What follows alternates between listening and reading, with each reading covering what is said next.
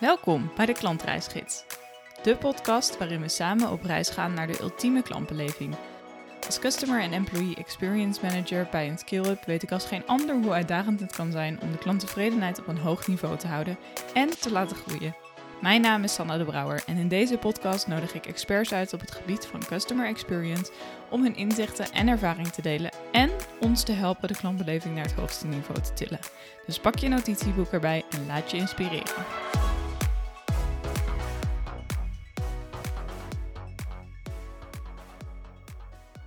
Hey, wat leuk dat je luistert naar deze derde aflevering alweer van de Klantreisgids.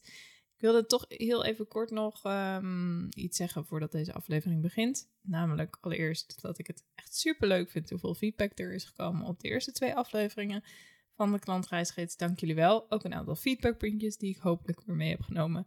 Mocht je nog meer feedback hebben, dan hoor ik het natuurlijk graag. En verder zou ik het ook leuk vinden om met je te connecten via de klantreisgids LinkedIn groep. Daar plaats ik uh, bijvoorbeeld show notes, uh, dus extra inspiratie die ik tijdens de aflevering heb opgedaan. Maar ik vraag jullie ook af en toe om wat extra input als ik al weet met wie ik de podcastopname ga doen. Dus laten we ook vooral op LinkedIn lekker met elkaar connecten. En dan heb ik nog een kleine huishoudelijke mededeling voor deze aflevering. Um, de eerste 20 à 30 seconden zijn namelijk niet helemaal goed opgepikt door de microfoon. Gelukkig had ik wel mijn telefoon ook aanstaan en heb ik daar op de audio opgenomen. Maar dat betekent dat in het begin de audio best wel vervelend is. Maar ik kon het er ook niet echt uitknippen, want het is de introductie. Dus um, ja, het duurt maar 20 à 30 seconden en daarna is de audio helemaal fijn. Maar um, ja, weet dat, dat dat gaat gebeuren. Oké, dan wens ik je voor nu een hele fijne dag en uh, veel luisterplezier. Welkom, Carolien. Wat leuk dat je in mijn podcast aanwezig wil zijn als gast. Ja, dank voor de uitnodiging, Sanne. Ja, um, ja zullen we eerst eventjes een uh, kort uh, bespreken wie, wie, jij bent en wat je doet? Ja, prima. Uh, ja, waar te beginnen? nou, ik ben dus Caroline Olivera. Mm -hmm. Al heel lang werkzaam, eigenlijk na mijn studie direct in de klantcontactwereld aan de slag gegaan. Destijds bij KPN. Mm -hmm. En uh, na een uh, aantal prachtige jaren bij KPN uh, met elkaar gestart. We verzorgen trainingen en opleidingen op het gebied van klantcontact. dit jaar bestaan we 20 jaar, dus is dit? Ja, mooi, mooi rond getal. Ja. dus ook al inmiddels alweer een hele periode. Dus dat, nou, voor de rest privé woonachtig in deze regio, in, dus in de buurt van Apeldoorn, in uh, Eerbeek.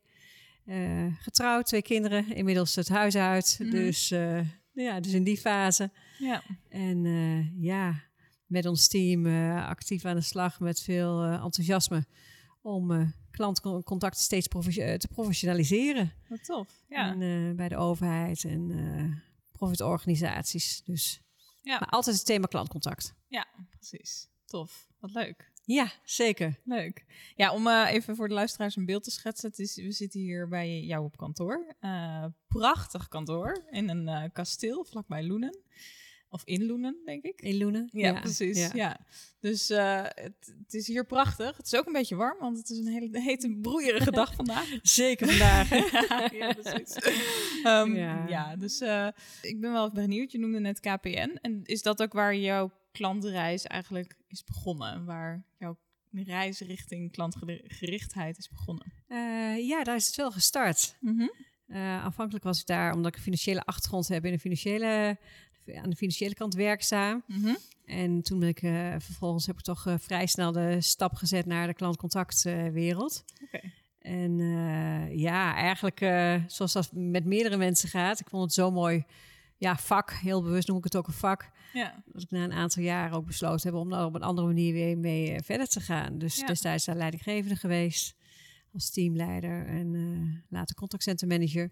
Ja. En toen een stap dus naar uh, Okaro gezet om ja. daarmee te gaan starten. Ja, ja. Dus. En in het begin had je altijd al profit klanten, zeg maar. Hoe ging dat? Waar, waar, wat waren je eerste klanten eigenlijk van Okaro? Nou, dat was eigenlijk gelijk een mix. Okay. Uh, zowel de, een van de eerste gemeenten was gemeente Apeldoorn. Okay. En nog steeds ook een klant, dus het is hartstikke leuk dat je dan nog met elkaar echt meegroeit. Ja. Dat, uh, en, uh, en een uh, uitgeversorganisatie. Oké. Daar heb ik zelf toen een klus geleid om daar het klantcontactcentrum op een hoger niveau te tillen. Dus dat, dat waren eigenlijk de eerste klanten, ja, twintig jaar geleden, om het zo ja, maar te precies. zeggen. Ja. ja. Ja, dus je hebt veel ervaring met het opzetten en het begeleiden van uh, ja. services. En langzamerhand zijn we eigenlijk steeds meer accent gaan leggen op de trainingskant. Mhm. Dus na een paar jaar, ja, afhankelijk zaten we meer in de teamleiders interimhoek. Mhm. En toen zijn we eigenlijk uh, vooral het accent gaan leggen op de, op de trainingskant. Ja. Omdat daar ook wel uh, mijn hart lag. Mhm. En ja, dat prachtig is om te doen. Ook zeker die gedragskant. Ja. Die, uh, ja, de zachte kant zeg ik wel eens vaak, is vaak toch de moeilijke kant. Ja, precies. Omdat die minder grijpbaar is. Dus Ja. uh, dus ja. ja daar zijn we ons eigenlijk steeds meer in gespecialiseerd. Maar ook nog steeds ook wel dat we advies geven. Maar in verhoudingsgewijs zeg maar meer accent op training en opleiding. Ja, en training en opleiding van eigenlijk iedereen die in klantenservice werkt. Ja. Niet specifiek leiders. Nee, nee. Nee. Leidinggevende, medewerkers, uh, coaches. Dus, Ja.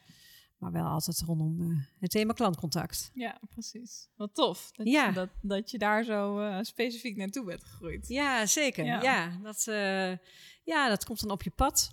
En ja, en op een gegeven moment als je merkt van ik vind dat ja, mooi, die dynamiek. Mhm. En, en ook wel iets waar je dus, ja, als je kijkt gewoon naar klantcontacten, zijn er natuurlijk duizenden, uiteindelijk miljoenen per jaar. Daar kun je uiteindelijk daar ook echt met elkaar het verschil maken. Ja. En uh, nou, om daar een steentje bij te dragen, dat, uh, dat vind ik mooi. Ja, precies. Ja, wat tof. En ik zag dat jullie uh, op jullie website dat jullie ook een software systeem hebben. Klopt dat? Klopt. Dat is, daar zijn we zo'n vijf jaar geleden mee gestart Mm -hmm. met Loes. Dat betekent op zijn Portugees licht. Dus het licht zien bij het leren, zeg maar. Ja, uh, ja daar zijn we toen mee gestart. Ik, uh, destijds had ik me georiënteerd op de, op de markt en ik kon het zelf daar gewoon niet vinden. Mm -hmm. En toen dacht ik van, nou ja, toch een beetje het eigenwijze ondernemer. Mm -hmm. dan, uh, dan gaan we dat zelf met een programmeur ontwikkelen. Ja. Dus daar kunnen inderdaad ja, klantcontactcentra gebruik van maken omdat, ja, ik heb de coaching en de trainingen daarin één bij elkaar gebracht. Ja. Dus je ziet vaak losse e-learnings en ja, en er wordt ook gecoacht. Mm -hmm. Maar juist om daar eigenlijk één logisch geheel van te maken, dat miste ik. En dat, uh, dat is een belangrijk uitgangspunt geweest uh, voor Loes. Ja, dus het is echt een, uh, eigenlijk een soort van uh, trainingstool voor klantcontactcentra. Ja. Of is meer dan dat? Ja, dat. dat. Dus Mhm. mm -hmm. je kunt allerlei e-learnings in, uh, in vinden op het gebied van klantcontact. Uh, echt ook weer aan die gedragskant. Maar een bedrijf kan er ook voor kiezen om je eigen e-learnings uh, daarin te maken. Oh ja. Dus uh, stel dat je denkt, van, nou ja, ik wil een bepaald systeem, wil ik een, mooi, een mooie module maken, dan bouw je dat zelf in, uh, in Loes. Mm -hmm. zodat het eigenlijk helemaal iets van jou wordt. Dat kan ook een keuze zijn. Maar ook echt in de combinatie met coaching. Hè? Dus je gesprekken monitoren, Ja. verslaglegging. Maar wel ja, vanuit het standpunt van, ja, doe dat vanuit een veilige leeromgeving met elkaar. Ja. Nou, en niet uh, alleen vanuit harde, harde sturing. Nee, precies. Maar juist, uh, ja, zodat mensen zich ook daadwerkelijk echt gaan ontwikkelen. Ja. Dus dat Ja. is, uh, ja, dat is loes. En ja, daar werken we voortdurend aan om dat nog, zeg ik altijd, ja, mooier en leuker te krijgen. Ja. Dus ja, dat. Ja. En want je noemt de harde kant en de wat zachtere kant. Mm -hmm. wel, wat, wat maakt voor jou het verschil en waarom is het nou zo belangrijk om ja, vanuit de wat zachtere kant de uh, leiding te geven eigenlijk aan een klantservice? Um, nou ja, we hebben natuurlijk in de klantcontactwereld uh, veel KPI's. Mm -hmm. um, en als je dat ook vergelijkt met andere soorten werk, klantcontact leent zich daar natuurlijk ook ergens voor. Hè? Dus je kunt het ook allemaal zo duidelijk en helder maken als je Mhm. mm -hmm. wil met elkaar. Uh, maar tegelijkertijd is natuurlijk de centrale vraag: stuur je op gedrag om KPI's te bereiken? Mm -hmm. Of stuur je op die KPI's, als je snapt wat ik bedoel. Ja. Pak je die als uitgangspunt. Ja. Nou, en dat is natuurlijk de essentiële vraag met ook wie je als bedrijf en wie, wie, wie wil je zijn als afdeling zijnde. Ja. En nou, als je kijkt dan vervolgens naar wat mensen motiveert. Ja, stel dat je het hebt over uh, een KPI. Nou ja, de ene klantcontactcentrum gebruikt nog wel als KPI de afhandelingstijd. Nou, ik zie het ook bij heel veel contactcenters verdwijnen, zeg maar, dat die niet meer gebruikt wordt, hè, zeg maar Mhm. op individueel niveau. Mm -hmm. Um, maar dat is een voorbeeld. Ga je steeds het gesprek aan, stel dat die te laag is. Uh, ga je daarover het gesprek aan? Of ga je echt over de gedragskant uh, het gesprek aan, wat uiteindelijk le leidt tot een lage AAT? Mm -hmm. Hè, dat is een heel ander gesprek wat je voert. Ja.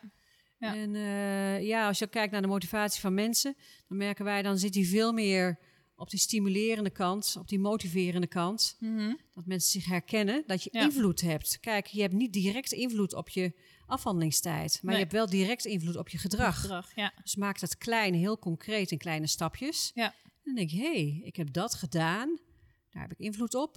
En dat leidt uiteindelijk tot een ander resultaat. Ja. Maar dat vraagt natuurlijk wat van, uh, van je vaardigheden als coach of als leidinggevende. Ja. En uh, soms ook het los, los, durven loslaten. Ja. ja. Herkenbaar, heel het, herkenbaar. Uh, ja, herkenbaar is.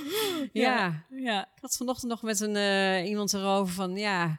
En dat was ook, die had binnen een contactcenter gewerkt. En er werd ook steeds gezegd: Oh, je hebt je normen voor je team nog niet op orde. En nou, echt vanuit de hele sturende kant. En wat natuurlijk business-wise soms noodzakelijk ook is. Hè, dat je, mm Dan wil je natuurlijk wel kunnen volgen hoe doen we het. Ook om natuurlijk je stukje effectiviteit uh, te kunnen berekenen enzovoort. Ja. Um, maar toen had ze ook gezegd, geef mij die tijd. Maar als ik het dan op orde heb vanuit de gedragskant... dan zorg ik ook dat het op orde blijft. Mm -hmm. Nou, dat had ze uiteindelijk ook gerealiseerd. Ja. Maar ze had wel iets meer tijd nodig uh, daarvoor. Ja. Want ze werkte veel meer vanuit. En ze had gezegd, ja, en val me ook niet lastig met als diegene, zeg maar, ik noem maar wat, 400 seconden heeft en de ander heeft ze 600 seconden. Dat is mijn ding binnen het team. Ja. En dat vind ik een heel mooi, als je het hebt over autonomie. Ja. Uh, en uiteindelijk als mens, uh, nou ja, dat blijkt ook uit allerlei wetenschappelijke onderzoeken. Als je dat kunt creëren, die autonomie, ja. dan ja, heb je ook veel meer werkplezier, uh, werkgeluk, blijven mensen langer bij je bedrijf enzovoort. Ja, precies. Ja, want het is ook. Uh, um, het is dus heel erg lange termijn denken in plaats van korte termijn. Exact. Heel erg op die KPI zitten en lange termijn gewoon wat meer. Exact. Ja. En als je op die KPI uh, gaat zitten, dan. Nou, ik, ik, heb het zelf ook al ervaren als teamleider. Um, dan gaan mensen soms van allerlei dingen doen. Maar als ze die druk heel erg sterk ervaren, mm -hmm. nou, dan zorgen ze heus wel dat het gesprek kort wordt. Ja. Maar ja, je moet niet meer afvragen misschien hoe het gesprek dan verloopt. Mm -hmm. En natuurlijk heb je daar dan ook weer items voor. Maar dan ontdek je dan misschien weer later dat je denkt van... oh, de NPS of een kwaliteitsscore, die, die gaat nu wel heel hard naar beneden. Of, nou ja, dus dan heb je, denk je ergens een doel bereikt te hebben. Mm -hmm. Terwijl als je aan de gedragskant, als je ja. daar het accent op legt dan heb je gewoon meerdere vliegen in één klap. Durf dat los te laten. Precies. Ja. Dat je het vertrouwen hebt van, nou, daar ligt de kracht van iemand. Dus ook niet alleen op de verbeterpunten, maar vanuit de kracht enerzijds. Dus dat je die eigenlijk steeds meer inzet van iemand. Dus dat kan zijn op een voorbeeld je inlevingsvermogen, even als voorbeeld. En daarnaast zeg maar een verbeterpunt waar iemand ook heel gestructureerd aan gaat werken. Ja, ja, nou, en als je dat, dat weet te realiseren, mm -hmm. ons brein kan nog niet te veel tegelijk aan. Zeker niet als het gaat om die gedragskant. Nee. Dus ja, probeer het te concretiseren en klein te maken. Ja, ja. Ik had een collega en die zei ook van, ik heb, uh, hij had gewerkt bij een, een, grote firma, zeg maar, eh, ook in het klantcontact. Daar moest je binnen zes minuten volgens mij uh, een telefoontje afhandelen. Maar dan gingen mensen dus, de klant, klantservice medewerkers gingen dan zeggen... oké, en voor je tweede vraag mag je even terugbellen. Want die wilden heel graag die doelen halen. Maar ja, dat is nou, ik heb het ook, uh, ik heb dat, dat is ook in praktijk ook meegemaakt. Ja. En ik heb bij een andere organisatie zelfs gehoord... er waren op een gegeven moment mensen zo desperate... dat uh, de verbinding gewoon werd verbroken. Ja. nou ja, dus... Maar dat gebeurt dus als je ergens... dan krijg je een soort van... Nou ja, angstcultuur is misschien een zwaar woord... maar je krijgt altijd het gedrag wat je uiteindelijk ja, wilt hebben. Mm Of ja. uiteindelijk altijd. Maar hè, als je daarop stuurt, ja. dan gaan mensen zich daarna gedragen. Ja, precies. En ja, uh, ja en, nou ja, dan hebben ze op die manier er invloed op. Ja. Goed, dan sla je een heel, heel hoofdstuk over. Precies, dat is niet uh, klantgericht. Nee, en ook niet het onderscheid wat je denkt uiteindelijk als bedrijf wil maken. Nee, nee, precies. En dat is natuurlijk van, uh, ja, waar, nogmaals, waar sta je voor? Ja. Wat is je DNA en hoe laat je die in een klantcontact tot uitdrukking komen? Ja, ja, precies. Ja. ja, dat is een hele belangrijke. Um, ik had uh, twee weken geleden had ik een gesprek, uh, ook een podcastopname met Fijke Kat. En uh, hij zei van ja, ik ben eigenlijk niet zo heel erg fan van KPI's. Ik denk vooral vanwege dit voorbeeld. Mm -hmm. um, en toen zei hij ook, maar als je ze gaat maken, zorg er dan voor dat je medewerkers erover meedenken. Mm -hmm. Dus ik heb afgelopen twee weken heb ik een aantal keer gezeten met een aantal managers van zowel account management als operations om te kijken van uh, um, hey, wat willen jullie qua um, KPI's, zeg maar, bij, uh, uh, bij wat verwachten jullie eigenlijk van de klantenservice? Van Ja. customer happiness noemen wij het. Ehm, Mooie naam. ja, precies. Ehm, en dus toen hadden we al wat opgesteld. En vervolgens heb ik gisteren een, eh, een meeting ingepland met een aantal van onze customer happiness medewerkers. Eigenlijk iedereen die gewoon geïnteresseerd is. Dus ik had iedereen uitgenodigd. En daarin gingen wij KPI's opstellen. En dat was wel Mhm. heel erg grappig, want wat er eigenlijk gebeurde, en daar werd ik enorm enthousiast van, is dat mensen hele goede KPI's stellen. Dus ja, tuurlijk kunnen we dit binnen één dag, maar dan moeten we wel dit en dit en dit en dit en dit opgelost worden. Ja. Want, want we merken gewoon dat we dat, dat zouden we kunnen halen, maar dan moeten we wel in het proces dit en dit en dit. Ja, ja. precies. Dus dat is super grappig. proces, dat, het ja. dan, dat je dan eigenlijk dat zij nog scherper de KPI's stellen dan dat je zelf had bedacht dat het zou kunnen. En dan Ja. zeggen zij van ja, nee, prima. Het kan aan het eind van dit kwartaal kunnen we daaraan naartoe. Als je wel zorgt dat we ah, deze acties ondernemen. Dat is juist zo leuk dat je merkt dat je vanuit ehm, dat zij echt gaan denken: oké, maar als we dat halen, moeten halen, dan wil ik wel dat dit wordt opgelost. Ja, ja en daar wil je het, natuurlijk eh, naartoe. Dan heb je ook het goede gesprek met elkaar. Ja, precies. Dat, eh, nou, en los daarvan, kijk, het is natuurlijk sowieso, hè, je, eh, zonder KPI's of doelstellingen, ge- eh, je kunt ook gewoon in doelen denken, noem het even geen KPI's, maar bepaalde heldere doelen in ieder geval. Ja. Hoe leuk is het ook om, die met elkaar te, om het met elkaar te vieren als je zo'n zo, zo, zo, zo'n tussenstap hebt behaald. Hè? Ja. Dus ik geloof zeer zeker in een heldere richting en ook een aantal heldere doelstellingen. eh, heldere doelstellingen. Maar wat je daar soms als, ja, dan slaat iets weer door. En dan heb je een gigantische set KPI's. Mhm, ja. Die, ik dan soms, eh, die ik dan soms tegenkom. Dan denk ik van ja, ja. ga jij het nog uitleggen aan de medewerkers? Hè? Maar durf er ook Ja. weer een keuze in te maken. Dat je denkt van wat zijn er nou de meest essentiële doel- doelen die we willen bereiken? Ja. prachtig inderdaad wat jij zegt, wat jullie gedaan hebben om de medewerkers daarbij te betrekken. Ja. Nou, en dan, dan, heb, dan heb je ook daadwerkelijk die betrokkenheid. ja. Van, eh, oh ja, nou ja, som- ik snap wel dat het bij sommige hele organi- grote organisaties lastig is. Maar denk daar ook over na. Hoe krijg je die, ja, die involvement om Ja. dat ze ook ja tegen dat doel zeggen. Ja. En die denken van, oké, nou ja, het zal wel. ja, Dat. precies. Ja. En, eh, ja, want dat gevoel hebben ze denk ik meer als je het echt vanuit het managementteam een soort van zegt van ja, nee, nu moeten jullie dit bereiken. Ja, dus dat is super interessant om dat, eh, om dat mee te maken. Dat Ja. je eigenlijk zo Maar verrassend... je had dus een mooie set eh, bedacht met elkaar eh, Ja, in ja. proces. Ja, ik had in, eh, vooraf al een soort van... eh, ehm, eigenlijk de KPI's die we zouden willen meten... had ik al Mhm. eigenlijk op een rijtje gezet. Dat had ik al naar ze gestuurd ter voorbereiding. En ik had in de meeting... hadden we het eigenlijk gewoon over die KPI's. En eigenlijk kwam er al vrij snel... We hebben niet eens alles behan- behandeld, zeg maar. Nee. Er kwam eigenlijk al vrij snel naar voren... wat ze eigenlijk nodig, Nodig hadden, hadden. om Ja. dat te bereiken. Ja, En, eh, maar dat is wel heel erg leuk, want... klopt. Nou ja, en daar is, er komt dan natuurlijk de, de tweede interessante vraag om de, om de hoek. Van ehm, hè, dat er wordt aangegeven wat je nodig hebt. En waar heb je zelf invloed op en waar heb je zelf geen invloed op. Hè? Ja. En hoe kun je dan een stukje, een stukje eigenaarschap ook ervoor zorgen dat die, ja, dat initiatief. Ja. Van, goh, hey, misschien zou ik eens dat en dat kunnen doen. Ja. Of op kunnen pakken. Ja. Waarmee ik weer invloed heb op die KPI. Hè? Dus Ja. eh, in plaats van eh, ja, Ja. afwachtend kijken naar anderen voordat het wordt opgepakt. Hè? Ja. Ja, Dus- dat is nog wel de volgende uitdaging inderdaad. Want ik, ik, ik ben zelf ook wel een beetje een controlfreak dat ik zoiets heb van, nou, ik doe het wel allemaal. Maar dan moet ik echt wel meer Ah, loslaten. Echt die meer Ja, autonomie. anders ga je veel te hard werken. Ja, precies. ja. ja, echt meer die autonomie geven en zorgen dat ze wel involved blijven inderdaad. Ja. ja. ja. Ja, dat. eh, ja, en uiteindelijk als je dan. ehm, ja, het is ook meer, ook al is het dan misschien niet iets, maar je laat het uit de groep komen. Vond ik zelf ook, eh, vond en misschien nog wel vind, soms ook een van de moeilijkste dingen.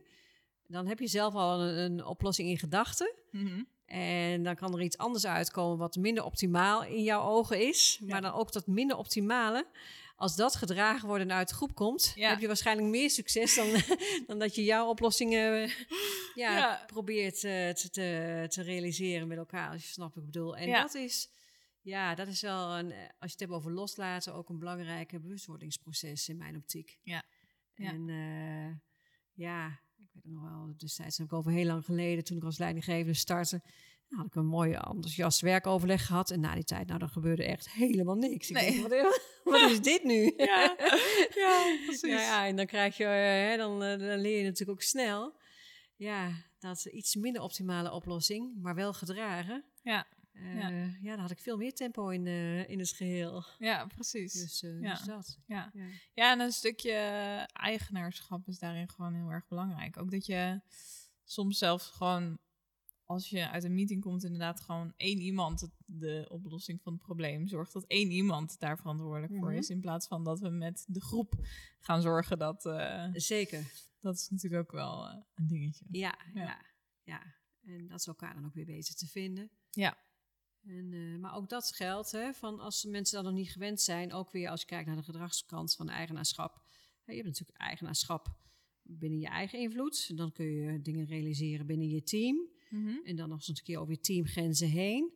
Dat is ook te eh, belangrijk om te bekijken, waar staat iemand nu? Hè? Ja. Eh, als iemand het nog heel spannend vindt om, zelfs binnen je eigen invloed, wat je, dat stapje al te zetten. Mhm. Er worden soms, soms van mensen gevraagd van, ja, goh, ik zou het mooi vinden als je het met die afdelingen oppakt.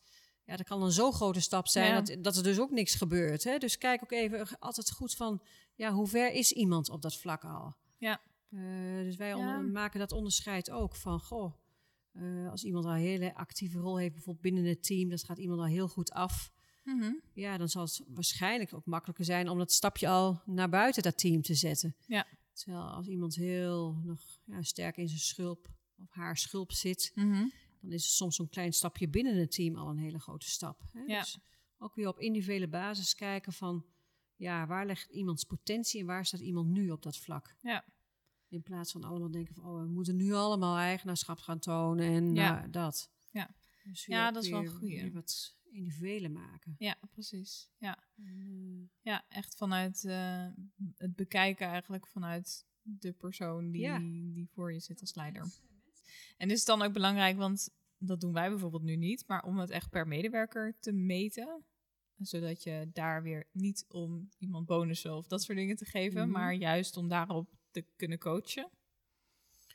Ehm, ja, nou ja, het ligt eraan natuurlijk welke, welke KPI's en hoe uitgebreid je dat doet. Ja. Kijk, ik zeg altijd van nou, in het begin, als je medewerkers net in dienst eh, hebt, nou, absoluut niet. Nee. Eh, hoe zou je het zelf ervaren als er direct met je Ja. meegekeken wordt? Dus ga altijd eerst voor die veiligheid, voor een Mhm. goede sfeer met elkaar, dat iemand het vertrouwen krijgt in je organisatie. Kijk, als dat er in de basis niet ligt, en het kan dus geschaad worden als je te snel en te hard gaat sturen. Mhm. Dat ze denken van, oh, nou, werkt het zo hier? Dus, hè, dus de, eerst vanuit die veiligheid. Dus dan op een gegeven moment, om dan een aantal doelen op individueel niveau te stellen, eh, hoeft helemaal niet verkeerd te zijn. Eh, maar dan wel weer vanuit die gedragskant benaderd. En eh, in het team kan de een, zeg maar, bij wijze van spreken, een hele hoge NPS halen. Terwijl die misschien met zijn afhandelingstijd, zijn gesprekstijd wat hoger zit. Mhm. Hè, maar bekijk het in balans. Ja, precies. Ja. En eh, vraag jezelf ook af of je eenheidsworsten wil creëren. Mhm. Of dat die afwijkingen mogen zijn. Ja. Ehm, nou ja, als ik kijk naar mijn eigen ervaring, ik vond het juist mooi, die afwijkingen. Dus de een die had misschien, die was ongelooflijk goed in een stuk afhandeling. De ander was daar sterk in. Ja. En als team zet je zo'n topprestatie neer. Ja. Maar als je te veel, zeg maar, allemaal dezelfde KPI's neerlegt, dan ga je er eigenlijk van uit dat iedereen een soort vanzelfde, ja, ook talent zou hebben. ja, precies. Als je hem kleiner maakt. Ja.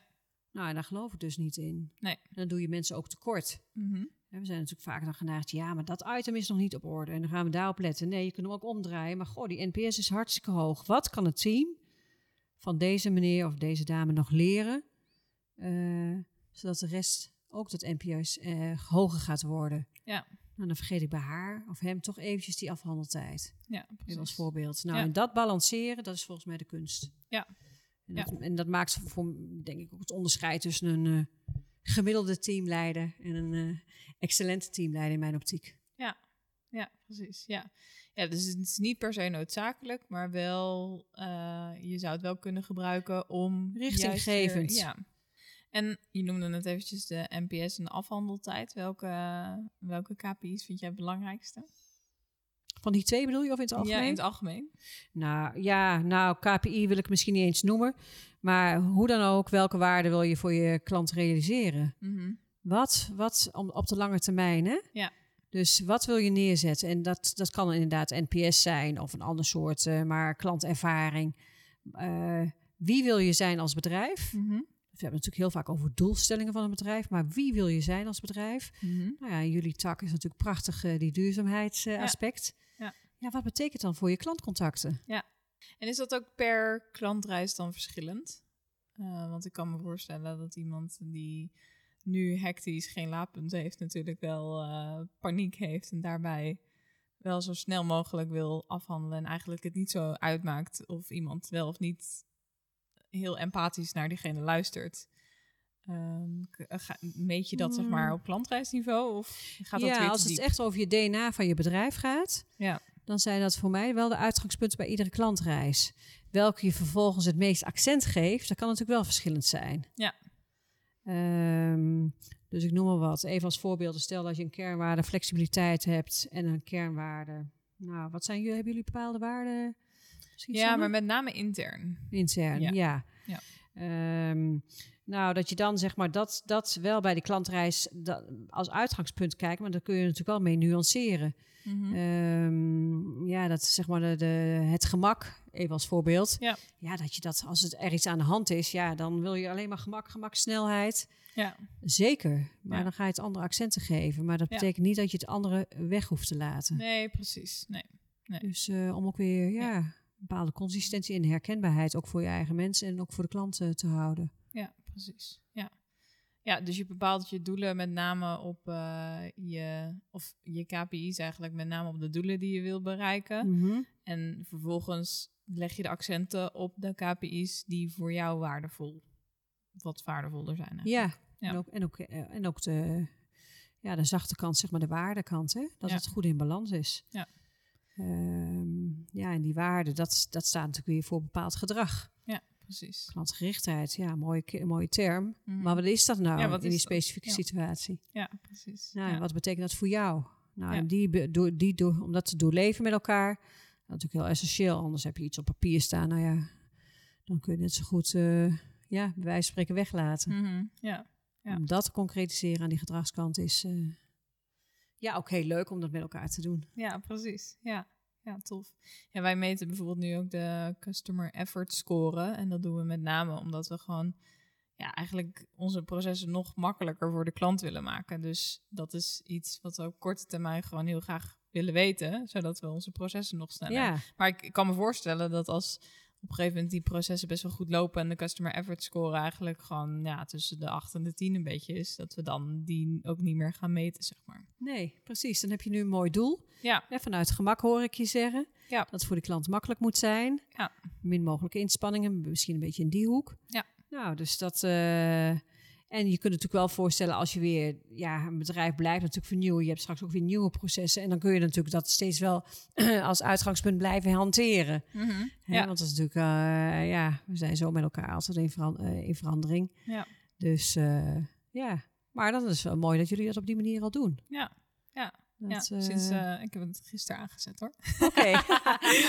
dus eh, Spannend. Ja, precies. Ja. Ja, ja we hebben nu Dus bedacht om eh, binnenkort de eerste eh, resultaten op dat vlak. Ja, ja, precies. Ja, we hebben nu bedacht om eh, in plaats van het eh, hele jaar door, zeg maar, eh klanttevredenheidsonderzoeken uit te sturen en dan vervolgens eigenlijk niks te analyseren omdat je daar geen tijd voor hebt, hebben we nu bedacht om de komende drie weken, zodat je in elk geval een beetje de out- outliers eruit kan halen, zeg maar, Ja. om de komende drie tot vier weken te meten. Oh ja. En daarop eigenlijk gewoon dat één keer per kwartaal doen. En dat dan één keer per kwartaal eh, ja, bekijken wat daar eigenlijk uitkomt. En dat analyseren, zodat we daar weer nieuwe doelen van kunnen maken. ja. Mooi. Mooie aanpak. Ja, ja dat is eh, ja, voor ons werkt dat hopelijk. Ja. Even denken, want jullie eh, geven natuurlijk training. Ehm, wat maakt dat het belangrijk is om eventueel bij jullie training te volgen in plaats van dat dat vanuit bedrijven zelf komt? Ehm, nou, sowieso. ehm, nou, dat heb je misschien ook al wel ne- net gemerkt. Eh, wij geloven in een lange termijn resultaat. Mhm. Ja. Dus als je voor een, eh, nou, bij wijze van spreken denkt van met een training. Ik ga een training, eh, wil ik graag laten verzorgen. En dat was het dan. Nou, dan moet eh, de andere partij misschien zich, uh, moeten we ons misschien allebei afvragen of dan wel de geschikte partners voor elkaar zijn. niet dat ik niet graag klanten wil, maar dat is wel iets waar we zelf ook in met ons team uh, hebben ervaren de afgelopen jaren. Dat juist die borgingsaanpak gewoon werkt. Ja. En wat bedoel ik daarmee? Je hebt een training. Nou ja, dat, dat blijkt ook wel uit onderzoeken. Daarmee kun je natuurlijk een effect creëren. Maar vervolgens begint het echte werk Mhm. in de praktijk. Ja. En hoe doe je dat? En hoe laat je dat uh, geruisloos in elkaar overgaan? Dat is de Mhm. allerlastigste stap. Dat is ook bij het inwerken zo. Stel dat je een inwerktraject hebt van medewerkers intern. Mhm. En dan hebben ze van alles geleerd.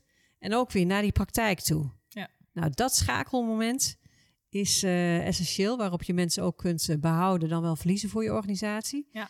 Uh, durf ik wel te stellen dat het soms zover gaat. Mhm. Dat het een consistente lijn is. En dat is ook, ja, en, en uh, die, die gedragskant, om dat echt beter te pakken. Je kunt het natuurlijk alleen naar het zichtbare gedrag. Ik weet niet, Mhm. ken je de ijsbergtheorie? Zeker, ja. Nou, uh, je kunt natuurlijk trainen op wat, wat zie ik en wat hoor ik in een gesprek. Mhm. Maar er zit natuurlijk altijd een intrinsieke motivatie of iets onder die ijsberg of een overtuiging achter. Ja. En zonder dat gelijk zeg maar helemaal te gaan, uh, uh, vanuit de psychologie te gaan benaderen, raken we er dat wel aan. Mhm. Uh, een voorbeeldje. Um, stel dat uh, iemand toch, het begint misschien wel vanuit uh, een gesprekstuur, dat iemand het lastig vindt om de leiding te nemen Mhm. in een gesprek. Het is een heel sociaal menstype, stel dat. Nou, ik ben wel eens een keer iemand tegengekomen die dat lastig vond. Want die had ooit geleerd van ik mag nooit iemand onderbreken. Mhm. Nou, dat was wel vrij, extre vrij extreem. Dus die vond het gewoon onfatsoenlijk om iemand te onderbreken. Ja. Nou, als je niet in een gesprek dat ontdekt, dan kun je zeggen steeds van ja, gewoon neem toch die leiding. Ja. Maar nee, dat komt vanuit een overtuiging. Ja, precies. Nou, dus dat is natuurlijk net het verschil. Uh, en als je dat weet aan te raken met elkaar, het waarom ook en Mhm. waar, ja, wat, wat gebeurt er bij gedrag en hoe kun je dat dan veranderen, ja, dan heb je dat duurzame, die lange termijn Ja. eh, effect met elkaar. En dan Ja. werk je daar eigenlijk stap voor stap eh, aan. Ja, en je merkt dus omdat jij eigenlijk een externe partij bent voor iemand, voor een bedrijf, dat, dat je ook sneller op dat diepere niveau Ja. komt, zeg maar.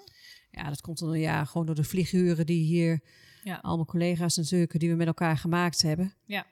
Ja, door de ervaring. eh, ja, dat. En ook nou ja, een aantal uitgangs- uitgangspunten waarin we, waarmee we werken. Ja.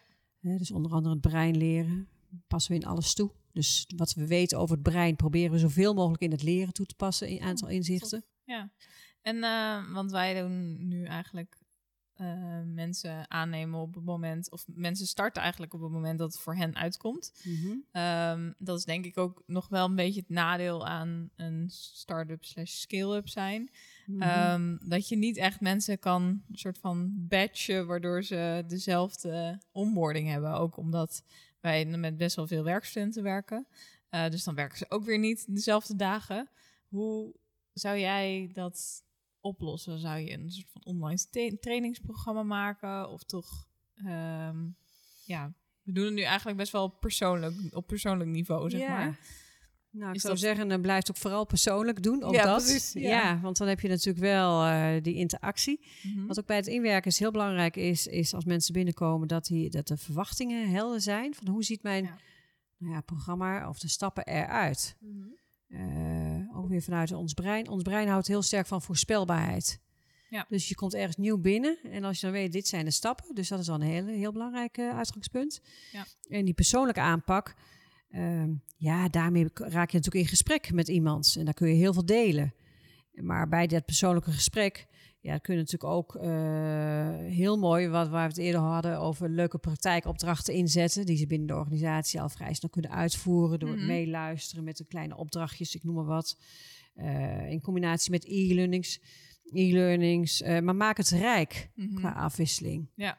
Omdat de ene persoon houdt van leeraanpak X en de Ja. ander Y. Ja. Dus zorg voor ja, mooie content op dat vlak. Ja. En die persoonlijke aanpak, eh, ja, zou ik zeker willen aanraden. Dus ik geloof zeker niet alles eh, alleen maar door middel van e-learnings leren. Anders, nee. En zeker niet als iemand net nieuw binnenkomt. nee, precies. Want het gaat ook om connectie, hè? Ja.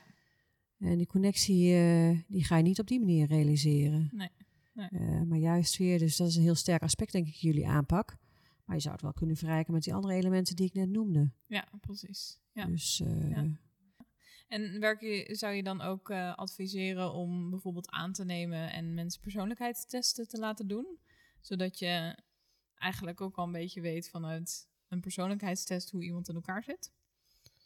ehm, ja, dat kan zeker. ehm, je bedoelt echt bij de aanwerving en selectie, Sanne? Ja, hoeft eigenlijk niet of per meer, se meer natuurlijk. als een soort van ontwikkel iets. Ja, precies. Ja, Juist, eh, nou, dat zie ik ook ehm, nu, nu bij een bepaalde klant. En dan worden dan, ja, zetten we, noemen we dan met een mooi woord, zo'n ontwikkelassessment in. mhm. En als dat ook weer in een, bla- kom ik weer steeds op terug, dat merk je wel, die, die in, een, in, een, in een goede omgeving, veilige, omge veilige omgeving wordt neergezet, prima. Ja.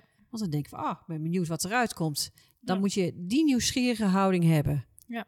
Maar als je soort van, ik heb ze ook in het verleden zelf eens meegemaakt bij organisaties, dan werd het ingezet, oh, nou, krijg voor bij een reorganisatie krijg je het zoveelste assessment. Mhm. Ik Ja. moet- Ik moet me weer bewijzen. Ja, nou ja, Precies. mensen worden er hartstikke gedemotiveerd van. Ja. En die denken van, na 15 jaar ken je me nog niet. Nee. Dus dat is een heel ander iets. Ja, Maar is diegene daar zelf ook toe gemotiveerd? Stel dat je, zeg maar, je werkt ergens als eh, klantenservice medewerker en je wilt doorgroeien naar teamlead.